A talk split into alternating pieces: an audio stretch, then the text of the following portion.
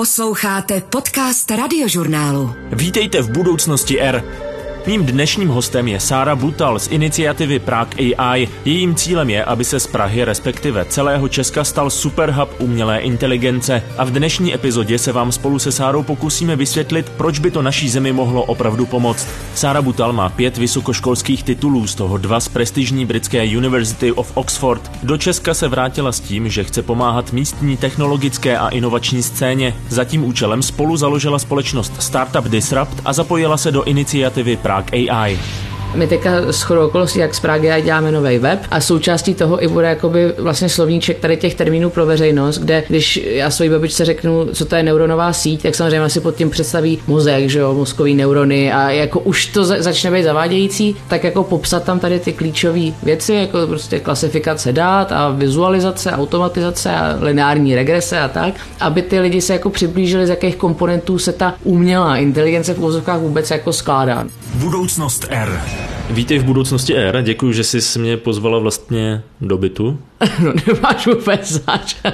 v současnosti si tady v Česku spojená s Prague AI, eh, zároveň se eh, Startup Disrupt. Mm-hmm. Co to znamená, nebo respektive jak jsi k tomu dostala, co je tvoje úloha? No, ty, já jsem takový, já bych se asi popsal jako takový nadšenec prostě do inovací a technologií a umělé inteligence, ale zároveň takový i, i skeptik, ale k tomu se potom jako dostaneme časem v tom podcastu.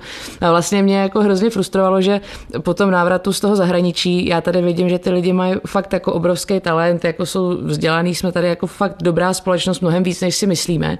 A, ale buď si každý tak jako to dělá na tom svém písečku, nebo jsou ty naše snahy hrozně jako roztříštěný a hrozně to brzdí to, kde my bychom mohli už být. A vidím to jako v porovnání jako s nějakýma inovativníma zeměma typu jako Estonsko, že jo, který se prostě semkli a jedou, tak tady ten esprit nám jako zatím trošku chybí a tak já jako to chci nakopnout z hlediska právě těch inovací, technologií, startupů, eh, umělé inteligence, aby se to dělalo jako dobře, ale zároveň, aby se to dělalo, aby jsme se potom jako někam posunuli, no, jako ta naše kotlina. My jsme se dohodli, že eh, si trochu rozdělíme role, i když mm-hmm. uvidíme, jak moc se nám to bude dařit v průběhu toho podcastu, ale já, i když eh, umělé inteligenci, respektive inovacím v tomhle odvětví hodně fandím, tak jsem se rozhodl, že dneska budu trochu za skeptika, i když hraného, a budu trochu útočit na to, v jakém stavu umělá inteligence, nebo respektive to povědomí o umělé inteligenci je. Takže doufám, Super. že se budeš trošku bránit. Ale... no, já se asi budu spíš souhlasit většinou, ale jo, jo, já se budu bránit, hele, to vše, všema deset, jestli to ta, dá tak říct. Já jsem měl připravenou první otázku, proč bychom vlastně chtěli tady si umělou inteligenci v Česku rozvíjet, mm-hmm. ale chytnu se toho, co jsi říkala, to znamená, proč tady vlastně vzniklo Prague AI? Co je ten hlavní cíl? Je to to sjednocení toho úsilí, abychom tady neměli deset různých center, které se budou pracovat na nějakých projektech a aby to bylo jako v úvozovkách jako centrálně řízené? Ono to Prague je vlastně takový, my, my se nechceme prezentovat jako nějaký byrokratický hub, jo, který by centralizoval prostě jak v římský říši jako procesy, to ne, rozhodně ne. Ona vlastně ta inspirace přišla z Kanady, kde pár našich jakoby zakládajících členů, tak, nebo lidí, co jsou ve výkonném výboru, i Prague tak se vlastně nainspirovalo tím, že oni tam měli spoustu jako původně jako roztříštěných vědeckých center a startupů a vůbec jako ta sféra se ale potom rozhodla, že se semkne a v tom tkvěla obrovská síla, takže třeba teďka z Montrealu je jako obrovský centrum umělé inteligence. Řekli si ty okucí, co to neudělá taky v Praze, protože tady jako nic podobného prostě nebylo. A jako ještě ta česká společnost tak jako antropologicky funguje tak, že je většinou spíš jako hodně segmentovaná, takže univerzity si dělají svoje, v rámci těch univerzit ty katedry si dělají svoje, že co si budeme povídat, to samý s těma startupama, který horko těžko se perou prostě o ty peníze, že já to chápu o přežití, takže taky tam třeba není jako taková kolaborace Počkej, kolaborace, to jsem přeložila z angličtiny, ale v češtině to hodně blbý slovo. Tady to má určité konotace. Eh, spolupráce, tak, to je lepší. A potom jakoby ty vládní orgány nebo ty vzdělávací orgány, tak jsou taky od toho celkem jako odstřižený, že se čas od času udělá třeba nějaký PDF, ale jako ta exekuce toho je potom jako třeba menší, tak jako snažit se tady to nějak jako sjednotit, aby tady ty všechny sféry si spolu jako povídali, ale zároveň, aby jsme jako i ukázali tomu světu, co tady máme za špičkový prostě world class jako výzkum a že jsme jako v tom fakt dobří a i udělat takový, i když já vím, že spoustu lidí z branže se to ekluje, ale třeba američani to dělají výborně a vychází jim to prostě PR té zemi, no. Protože to se zatím jako moc nedělá, protože zase jo, Češi jsou tady v tom takový, že se moc jako neradi chluběj, takže my máme třeba úžasný výsledky, ale ve světě se to neví. Jako mě by třeba zajímalo, kdybys přišel jako po světě a zeptal by se, odkud pochází slovo robot, kolik lidí by řeklo, že, že je to prostě od čepka. To bys byla překvapená, to zrovna vědí poměrně hodně. Jo, taky ty pap, pap trivia, jo, že to jsou. Ne, ale třeba v Dánsku, že, které je hodně silné, co se týče robotiky, tak mm. tam z toho hodně vychází. To mě mile překvapilo, že Čapek utkvil jako poměrně hodně Ty, no, v hlavách tak, lidí. Tak aspoň, že tak, tak to mám že... radost. Tak to je ta první vaštěvka. Čapek for president prostě. Ale ono jedním z těch cílů, když Prague AI vlastně vznikalo, tak takovým tím podtextem bylo jako chceme vytvořit z Prahy, potažmo mm-hmm. z České republiky, Evropské centrum excelence v oblasti umělé inteligence. Světový, hele. Světový, světový minimálně jasně, světový. máme velký cíle. Eh, proč bych já jako běžný Čech no. měl chtít, abychom byli centrem mm, excelence? No, já myslím z několika důvodů. Za, za prvý, že je to obrovský ekonomický přínos té zemi, takže jako celkově jako samo o sobě to odvětví AI, jestli se to dá tak jako nazývat, ale tak jako ve světě to jsou, to přispívá prostě miliardy a miliardy do státních rozpočtů, takže to, jako to chceš, jako tam, tam chceš být jako země, takže ono třeba to neznamená, že přímo ty si koupíš, když to přeženu toho konkrétního robota nebo ten konkrétní produkt, ale prostě ty peníze se k tobě dostanou nějakým jiným způsobem, protože ten stát najednou bude bohatší, efektivnější, bude prostě líp fungovat, ta společnost se jako eh, tady v tom vyšvihne. A já si myslím, že ten druhý důvod a tady, jak, jak si říkal, ten skepticismus jako je na místě, protože všichni vnímají tu AI jako nějakou odstřiženou bublinu, roboticko, golemovsko, bůh ví co, jako pro pár ajťáků, ale ono se to dá využít a dotýká se to jako naprosto všech aspektů života. Jo? A ty lidi občas ani nevědí, že to používá, jako třeba Uber nebo já nevím, jako prvotní digitalizace zdravotnictví, kde by to teda bylo jako sakra potřeba, si myslím, to strojové učení třeba, nebo um, já nevím, třeba výroba, jo, jako ta, udělat jako to Industry 4.0 a že nám, nám vlastně ta výroba vůbec jako ty výrobní firmy tady jako upadají, teďka jako nemají to jako lehký, takže právě to AI může jako pomoct i jako v efektivnění tady těch částí jako té společnosti, což potom zase na to obyčejného Čecha bude mít obrovský dopad. Takže já myslím zase je to o tom vzdělávání, aby ty lidi si nemysleli, jo, AI to tamhle šudlá někdo prostě na počítači eh, v nějakém zaprášeném ofisu a nehne se od toho celý den, protože tam něco kódí, ale ono to tak není. Jo. Prostě to se používá všude, ve všem a myslím, že ty lidi by to mělo zajímat. No. Tam jenom taková ta jako přirozená asi obava toho, že když tady vznikne, řekněme to inovační centrum, mm-hmm. tak ano, budou se se možná i stahovat nejenom čeští experti, mm-hmm. ale světoví experti, bude tady vznikat výborná technologie, mm. která ale půjde do světa a otázka je, jak rychle se vrátí zpátky potom. No, to je další věc, co si jako narazil na, na, na, na super pointu, že samozřejmě my chceme přilákat i ty zahraniční mozky, nejenom naše mozky jako zpátky ze světa, které jsou třeba někde v Google, Silicon Valley, aby se nám vrátili, ale e, i vlastně ty zahraniční mozky, kde teďka, když seš nějaký jako výzkumník, jako v, třeba v umělé inteligenci, tak já nevím, jdeš do Curychu, nebo jdeš prostě do Silicon Valley, nebo jdeš do toho velkého technologického korporátu, no ale jako nenapadlo by tě jít do, do Prahy, jo, do České republiky, což je obrovská škoda, protože třeba ty naše výzkum výzkumný centra tady jako od, od cirku až po věci, co se dějí na FITu, na FELu, vlastně na ČVUT, ale jako třeba i v Brně, jo, prostě my tady máme jako špičkový výzkum, ale málo se o něm ví, takže my jako chceme samozřejmě přilákat ty zahraniční lidi. Co se týče jako toho brain drainu, tak ten samozřejmě existuje už jenom kvůli tomu, že na západě ten člověk prostě dostane desetkrát tolik peněz, jo, tak jako já to chápu, že ty lidi jako za to chtějí být jako odměňovaný, když už jako tak dřou. Taky spoustu lidí potom v tom zahraničí i studuje, že si třeba neuvědomuje ani jaký tady máme jako dobrý možnosti jako na místních univerzitách. I když já jsem ten poslední, kdo by jako odrazoval lidi od toho, aby cestovali, studovali někde venku ale i ten potom velký problém je třeba to, jak se to tady potom daní. Jo. Já jako nechci jako zabíhat tady do nějakých jako politických jako spirál, ale třeba jako ty zahraniční firmy, co sem přijdou, tak jako třeba jako mají ty daně naprosto minimální a ty české firmy, které se horko těžko jako dostanou, přežijou rok z roku, tak jako ty daně platí prostě násobně vyšší. Jo. Takže i když už ten talent se nám tady podaří udržet, tak my ho prostě strašně zmáčkneme a my tady nemáme potom šanci typu v Americe, že by tady byl nějaký unicorn, je to pro nás jako mnohem složitější a to, je, to jde ruku v ruce se vším ale jsou tady, jak říkám, taky velký vlašťovky tady v tom aspektu, že lidi typu Mikolov se sem vrátili, že jo, prostě z Facebooku neuvěřitelná bedna po deseti letech, skoro v zahraničí, který zase naláká jako jiný researchery, udělají tady svůj vlastní jako research centrum. V robotice jsme taky fantastický, jo, takže jako zlepšuje se to, ale potřebujeme, aby o nás ty lidi trošku věděli. No. To se bavíme o nějaké reklamě směrem ven a mm. to je asi ten hlavní úkol. Ukázat, že ty mozky nejenom, že jsou přesně tak, jak zmiňuješ mm. ve Facebooku, ve velkých eh, nadnárodních firmách, ale že se jim vyplatí vlastně vrátit zpátky vy Tomáš Mikolov, ale těch men je v posledních no. letech mnohem víc, mm, kteří mm, se přesně. Eh, vrátili ti vývojáři. Já jsem byl až překvapený, v kolika firmách jako narazíme mm. na vlastně vynikající české vývojáře, mm. můžou to být třeba i jako vědci v tom no. pravém slova smyslu, biochemici a podobně. Těch men je ohromná spousta, mm. takže jedním z těch cílů by mělo být i asi předpokládám vytvořit jim tady teda to finanční zázemí. To znamená nalákat tady, já nevím, jestli to budou sponzoři nebo jako hmm. evropské peníze, které sem budou nějakým způsobem tady vytvářet nějaký polštář, ze kterého budeme moci živit tyhle ty chytré hlavy. Už třeba jako jenom to kvantum těch grantů z Evropské unie, třeba taky ty, jak se to jmenuje, ty ECR, nebo jak to je, jako na ten špičkový výzkum, tak jako moc jich do Čech nejde. Jo. A zase je to třeba o tom, já nevím, jestli, jak se jako umíme prodat i jako na té akademické sféře v rámci Evropy, to nevím, to jako nechci spekulovat, ale rozhodně jako nějak finančně ty lidi sem přilákat, ale i jim tady vytvořit jako příjemný prostředí a dát jim jako zajímavý projekty, protože spousta těch vývojářů nebo těch expertů to nedělá pro peníze, oni to dělají, protože chtějí opravdu ten svět někam posunout a oni musí vědět, že tady ty přijetosti vůbec jako jsou, že oni si třeba myslí, že to je to prostě jako pustá poušť, kde jako není nic a přitom je tady spoustu fantastických výzkumů, jako ať už je to NLP nebo jak říkám ta robotika a cybersecurity a tak to tady prostě hrozně jede. Takže jako snažit se jako sem zpátky jako nalákat i tady na ty zajímavé věci, no a pak samozřejmě kulturně neházet tím klacky pod nohy, když už sem přijedou.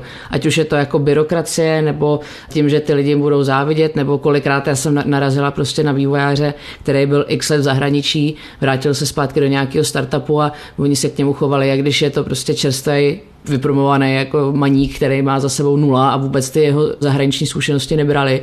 A to je potom jako hrozně toxický a ty lidi to mají i jako v hlavě, že třeba jako ještě odjeli v dobách, jako kdy ta Česká republika nebyla na takový úrovni, jako je teď, což jako je, my se jako raketově zlepšujeme v životní úrovni a tak. Takže oni žijou v tom zahraničí s takovou tou fixní ideou, ježišmere, co bych se vracel, stejně akorát po mně ty lidi plivnou. A už jenom tohle to často jako třeba z těch takových anekdotálních rozhovorů, co s těma lidma v zahraničích mám, tak je jako psychologický blok k tomu, aby se vrátili. No. Takže zase ta reklama ven je tady v tom jako důležitá, že tady ty lidi vítáme s otevřenou náručí. Sára vyzdvihovala mimo jiné práci CIRKu, Českého institutu informatiky, robotiky a kybernetiky při ČVUT. Odtud pochází i Alquist, social bot, který vyvinuli právě studenti ČVUT a který dvakrát v řadě skončil druhý v soutěži Amazon Alexa Prize a i letos se jednoznačně probojoval do semifinále. Soutěžící softwary mají za úkol konverzovat s uživateli chytrých reproduktorů o tom, co je zajímá, ale zároveň se při interakci přizpůsobovat tomu, co mají rádi. Alquist jsme s vedoucím týmu Janem Šedivým vyzkoušeli loni v červnu na akci Experiment Speciál a zároveň živě ve vysílání radiožurnálu, i když pro chatbota v trochu nepříznivých akustických podmínkách. So what do you want to chat about? Let's talk about traveling. Budeme se bavit o cestování tedy. Have you ever hitchhiked? Absolutely, I did. How many times? Kolikrát jsme stopovali? About 20 times. This sounds quite interesting. The average waist circumference of an American male aged 20 plus is 40.2 inches. Hmm, tak teď jsme se dozvěděli informaci, ke které jsme se úplně nechtěli dostat. Well, that's very interesting. Ale je to zajímavé. Na základě tedy informace, že pan Šedivý eh, stopuje, jsme se dozvěděli tedy na první pohled, ale vidíte, že si s námi bude povídat možná, dokud ji nevypneme. tak. Celý rozhovor s Janem Šedivým si můžete poslechnout na webu radiožurnál.cz. Posloucháte Budoucnost R. Podcast radiožurnálu o vědě, medicíně a moderních technologiích. Před chvíli si zmínila ty startupy. Ze slova startup se stalo skoro zprosté slovo. Mm. Musím říct, že eh, občas vidím i na našich editorech, když řeknu startup, tak už jako protáčí oči. A já to na jednu stranu trochu chápu, protože byl tady startupový boom. I vláda mm. začala mluvit o tom, že podpora startupů a tedy nechme stranou, nakolik jako nějaká reálná podpora startupů skutečně proběhla, mm. ale vlastně těch firm, které si říkají startupy a které z mého pohledu, a teď to není až tak hraný skepticismus, trošku jako až nadužívají to slovo umělá mm, inteligence, mm. je tady strašná spousta. Neměli bychom možná začít tím, že tomu nebudeme říkat Centrum excelence v oblasti umělé inteligence a budeme tomu říkat tak, jak to ve skutečnosti má být. Mně přijde, no. že ta umělá inteligence je hrozně jako přehnaný výraz ve mm. všech mm. ohledech. Nejenom, že to je hrozně široká věc, pod kterou mm. se schovává mnohem širší škála jednotlivých úkonů a procesů a mm. technologií, mm. ale zároveň mi přijde, že se tady tak jako mávne výrazu umělá inteligence, jo, to berem, to no, chci. No, Hele, určitě. Já jsem jako tady v tom velký skeptik ve smyslu, že si myslím, že ta startupová bublina bude podobná jako Definity.com bublině, jakože každý si založí startup, což je super a já jsem ten první, kdo tady to podporuje, tady to podnikatelské myšlení, ale přesně jak říkáš, no, že ty investoři tam už divné hledají to slovíčko umělá inteligence, aby ti vůbec odklepli tu investici a to je strašně jako eh, takový začarovaný kruh potom, že třeba jako kolikrát ty startupy i mají lidi, jako který se tomu jako technicky nevěnují a řek, řeknou si, udělám si umělou inteligenci na něco, no ale přesně jak říkáš, co je to umělá inteligence, já zase tady do toho nechci moc zabíhat, jsme tady byli 100 let, jo, ale i ty třeba neuronové sítě, tak jsou víceméně jako matematický modely, jo, tam jako víš přesně, co se děje, jak se to děje, teďka jsem zrovna v pátek s kamarádem na pivu jsme řešili jako nějaký lineární regrese, tak protože já jsem hrozně jako super člověk. Jako... Co je prosím tebe lineární regrese? je to takový model, kde víceméně si jako načrtneš nějakou funkci, která protíná určitý počet bodů. Vlastně jsme to jako rozebírali, říkali jsme si, teorie jako v tom srdci té AI je vyloženě matematika, jo. to je prostě statistika, matematika, matematický model je samozřejmě hrozně inteligentně aplikovaný.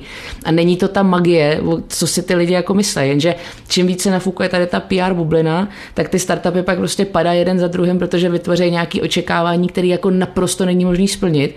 A pak ty lidi, kteří tomu třeba buď nerozumí, nebo že vem si prostě přijdeš do nějaký výrobní firmy nebo nemocnice nebo školy a řekneš, já ti tady udělám umělou umělou inteligenci, tak ty lidi jsou pak akorát zklamaný, protože čekají zázraky, které my nemůžeme dodat, protože ta technologie prostě neexistuje, tak jak ty lidi si to představují. No, na druhou stranu, jako je asi dobře, že se dostává matematika do praxe, že to nějakým způsobem umí třeba motivovat, když to jako hodně přeženu, studenty na středních školách, aby studovali matematiku, protože je tam taková ta vidina, že ano, mm. matematiku můžu použít například na to, že se naučím programovat, vytvářet nějaký machine learning a Přesně. tu umělou inteligenci. Tady no, mávám uvozovkách.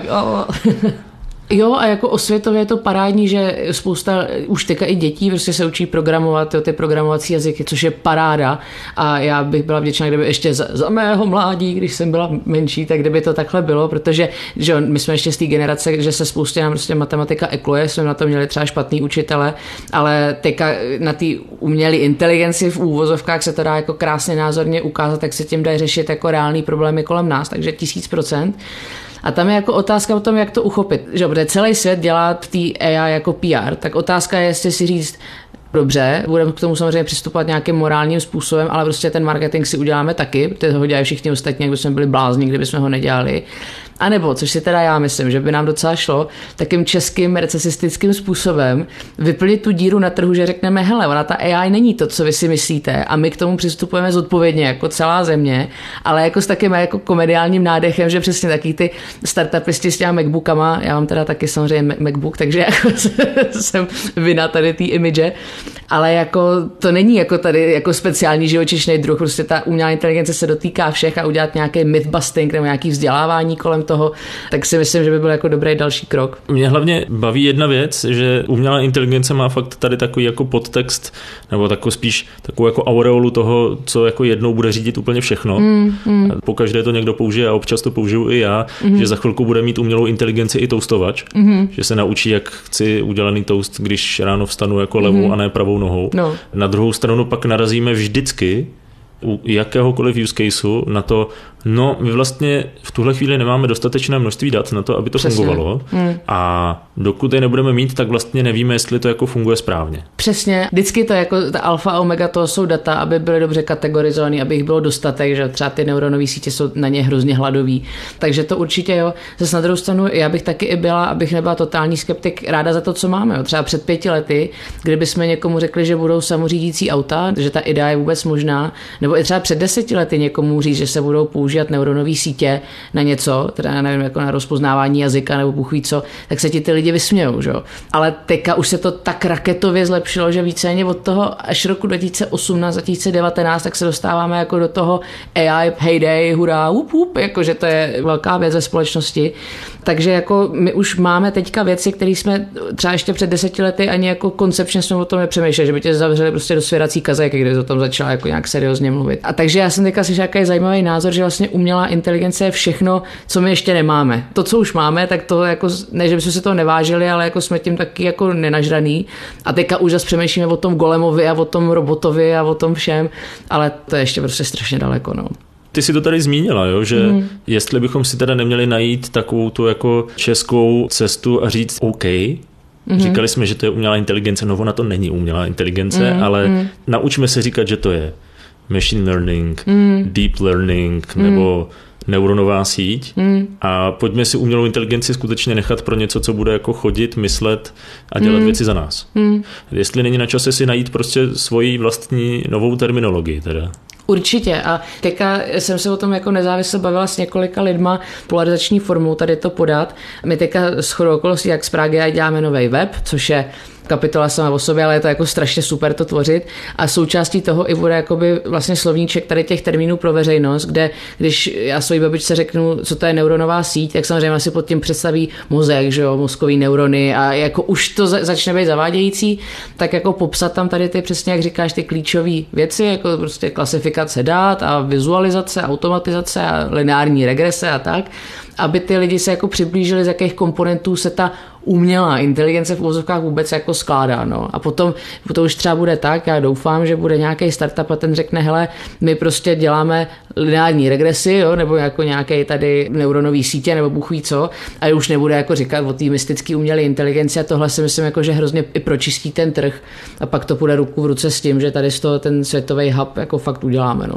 no protože třeba eh, v průmyslu, v těch mm. jako čistě průmyslových use casech, mm. se mi zdá, že to jako funguje svým způsobem, mm. že už hmm. jsme se naučili používat výrazy typu digitální dvojče, prediktivní údržba, no, no, no. které bychom taky mohli říct, to je umělá inteligence. Že Přesně. v těch konkrétních věcech, které fungují v praxi, mm-hmm. a teď prediktivní údržba už je věc, která i tady v Česku v, v těch továrnách funguje mm-hmm. a průmysl 4.0 je na tom postavený.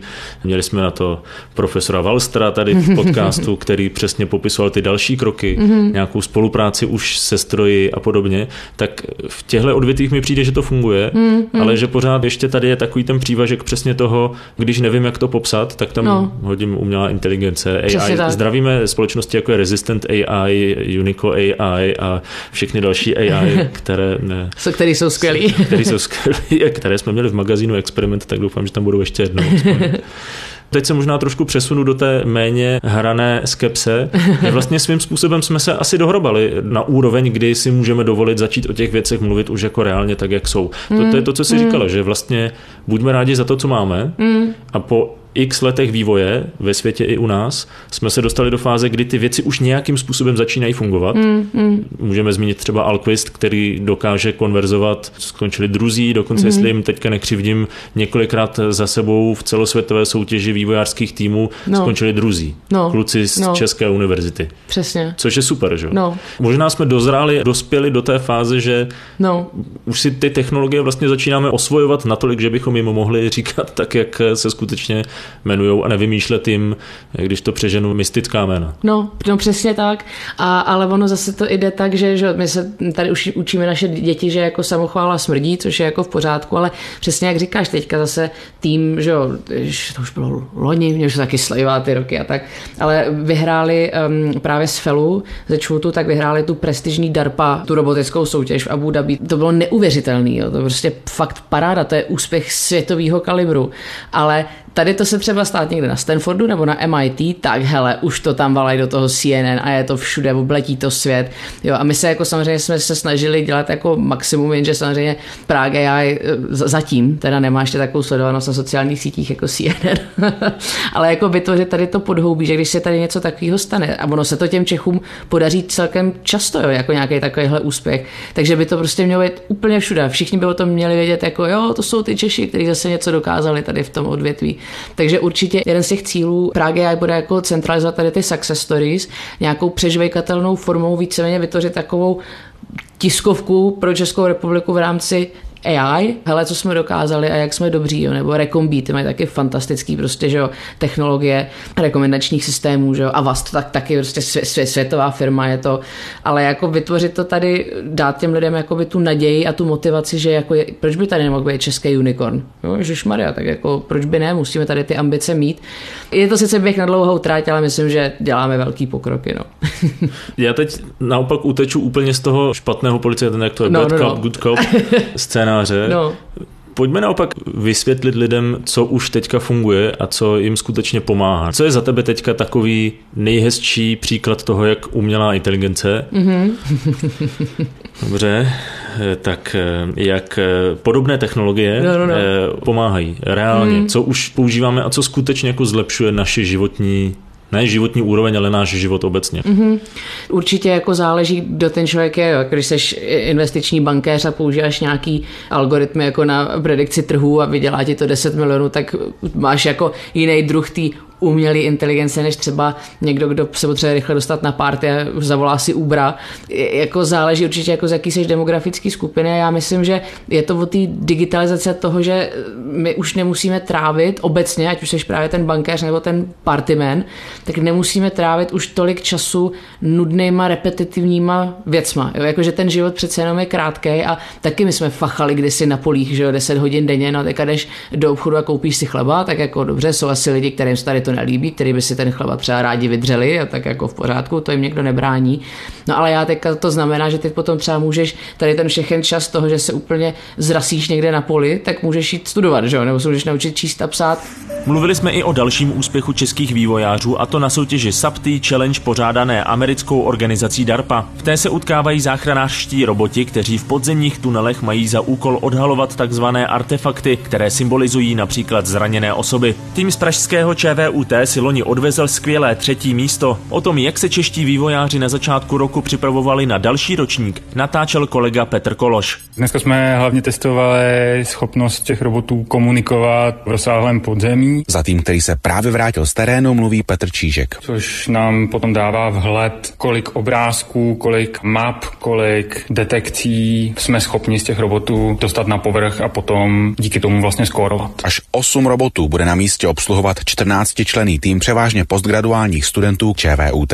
Pravděpodobně klíčovou inovaci připravil Jan Bayer a týká se mapování okolí. Ten mapovací rámec umožňuje integrovat různé senzorické platformy a různé robotické platformy, například zajistit autonomní chování pro jak kolové, pásové, tak třeba kráčející roboty. Kromě své univerzality je nový mapovací algoritmus rychlejší a méně náročný na výpočetní techniku. Stávající kapacity tedy mohou výzkumníci využít jinak, třeba pro sofistikovanější rozhodovací procesy. Zrovna tak mohou u svých strojů snížit hmotnost, cenu, případně prodloužit dojezd nebo zvýšit výdrž. A to není všechno. To vylepšení mapování umožní robotu plánovat i mezi různými patry, například přejezd po schodech nebo nakloněných plošinách. Petr Kološ, Radiožurnál. Posloucháte Budoucnost R. Na základě té úrovně, řekněme, na které jsme, mm. tak co vlastně by mohlo být takový jako zásah do toho, že reálně si řekneme, aha, tohle nám fakt jako prospělo. Já myslím, co by nám hrozně prospělo, tak je právě třeba to strojové učení ve zdravotnictví. Pochopit to, jak třeba degeneruje DNA, nebo jako jak některý genom se jako projeví, druhý se neprojeví, nebo jako i na základě toho udělat třeba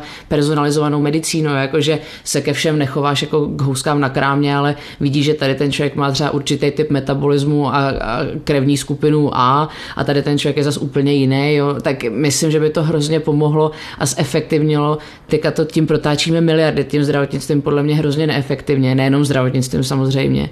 Takže jako tady ty velké instituce, které jako má vlastně pod svou záštitou ten stát nebo jako ty státní struktury, tak tam začít využívat to strojové učení, aby se to všechno jako zeštíhlilo a to nemyslím jako nějak krutě kapitalisticky, že prostě vyházet půl lidí to vůbec ne, spíš jako by ty metody, že by se na, na základě toho dali zlepšit a že by to potom znamenalo, že já nebudu muset chodit k doktorovi a potom čekat půl roku na výsledky a potom člověk třeba zjistí, že má nedej bože nějakou příšernou diagnózu, já to budu vědět třeba dva roky dopředu. Jo. Teďka samozřejmě plácám, protože tam jako zdaleka nejsme, ale... A tak na druhou to... stranu nástroje na diagnostiku už jsou, ale to se dostáváme na úroveň té, jak ty s oblibou říkáš, jako glorifikované statistiky, že zkrátka porovnávají, jestli tenhle ten obrázek je správný nebo není správný. A právě i jako třeba ve vývoji, co se týče jako, nebo jako research jako rakoviny a vývoje rakoviny, tak i třeba respirační choroby, kardiovaskulární, tak tady se jako taky začíná jako šahat trošku do, do té AI nebo do toho strojového učení, ale tam jsou hrozně dlouhý ty eh, cykly schvalovací. Jo. To prostě je třeba 10 let, než se vůbec projde jako nějakýma základníma věcma. A tady vlastně se zase dostáváme na tu otázku té regulace, protože samozřejmě ty věci, co potřebuji řešit nejvíc, tak jsou nejvíc regulovaný, že typu vzdělávání, eh, typu eh, lékařství a tak, nebo jako i třeba ta státní zpráva, že jako v Estonsku, kde mají prostě všechno digitalizovaný. Samozřejmě, jak se to prostě pomalu hejbe, jak se to jako reguluje, tak potom tam stagnují ty inovace. Ale v AI, která se dotýká naprosto všeho, když se to tam udělá blbě, ta regulace, tak to znamená, že my nikdy nebudeme moct soupeřit s Amerikou, s Čínou. Tady prostě ty firmy se třeba zabijou a zároveň ty věci, co se nejvíc potřebují zlepšit, tak se prostě nezlepší. Takže my musíme být hrozně opatrný, aby právě, a to se vracím na začátek, se neregulovalo něco, co neexistuje. Jo? Když se bude regulovat taková ta obecná AI typu RUR, která prostě není, no tak samozřejmě to vytvoří takový podnebí, že všichni se budou všeho bát a ty inovace tam prostě nebudou. Jo. Když by se místo toho třeba eh, regulovalo to, jakým způsobem se mají vytvářet určitý klasifikátory nebo jak se mají klasifikovat data, tak to už je o něčem jiným. Takže tady to, myslím, pro nás bude důležitý překlenout v příštích letech a trošku se toho bojím, ale jako doufám, že se to nějak zvládne. No. No, protože samozřejmě tohle nemůže vzejít eh, logicky jenom ze strany těch firm. Mm. Můžeme tady mít jako podhoubí startupů a, a můžeme tady mít prvního mm. unicorna, který vytvoří umělou inteligenci pro zdravotnictví, mm. ale eh, je sice fajn, že teďka v období koronaviru tady vzniklo několik nápadů, které se podařilo velmi rychle jako prosadit, mm. ohnout, řekněme, ta pravidla pro různou certifikaci a podobně, mm. ale pokud se nenaučíme reagovat na tuhletu mm. inovační vlnu a tendenci se, no. se zlepšovat a rozšiřovat ty naše schopnosti, tak to skutečně může zabít ten průmysl úplně. Přesně tak. Co se budeme vykládat, ta face recognition technology, tak eh, existuje jenom proto, že třeba jako eh, v Číně nebo jako i v Americe se více nějakou regulaci tady v tom vybodli a byli schopni to jako raketově jako zlepšit to, co třeba já vidím jako v Číně, jak tam se ta umělá inteligence vyvíjí, to je jinde, jo, ta produktizace toho všeho a ty nápady, se kterými oni chodí, který prostě každý týden tam vycházejí tři revoluční věci a tady vyjde jako za půl roku jedna. Já neříkám, že bychom to měli dělat jako Čína, ale jako rozhodně se odpoutat od nějakých takových těch jako politizujících aspektů a říct si, hele, tady to je opravdu jako zlomový období pro lidstvo a my se k tomu musíme nějak rozumně postavit, aniž by si tím člověk hájil mandát nebo bůh ví co. A to myslím, že bude hrozně důležitý. Je tady, nechci jako furt propírat, ale ty huby typu Prague nebo ty iniciativy budou hrozně důležitý, že si kolem stolu sednou lidi, kteří by si normálně spolu nesedli ze státní sféry, takový ten holandský model eh, ze vzdělávací sféry, z komerční sféry a tady to si vyříkají a ono to bude občas jako ošklivý, taky to si budeme povědat, ale má to potom, to je ta jediná konfrontace tady toho kritického myšlení tady z těch různých sfér, že se to bude dát nějak jako rozumně zimplementovat. No. Děkuji moc eh, za tvůj čas. Taky děkuji, bylo to super. Tak budu držet palce. Děkuji moc a děkuji moc za pozvání. Příště bude mým hostem v budoucnosti R Jakub Nešetřil, zakladatel iniciativy Česko Digital. Co všechno může komunita vývojářů, kterou Česko Digital sjednocuje, vyvinout místo státu a dožije se érouška případné druhé vlny šíření koronaviru? Budoucnost R poslouchejte a stahujte zase ve čtvrtek v aplikaci Můj rozhlas, na webu radiožurnál.cz, ve Spotify, Apple Podcast a dalších podcastových aplikacích. Z budoucnosti R se loučí Vojtěch Koval. Poslouchali jste Budoucnost R. Podcast radiožurnálu o vědě, medicíně a moderních technologiích.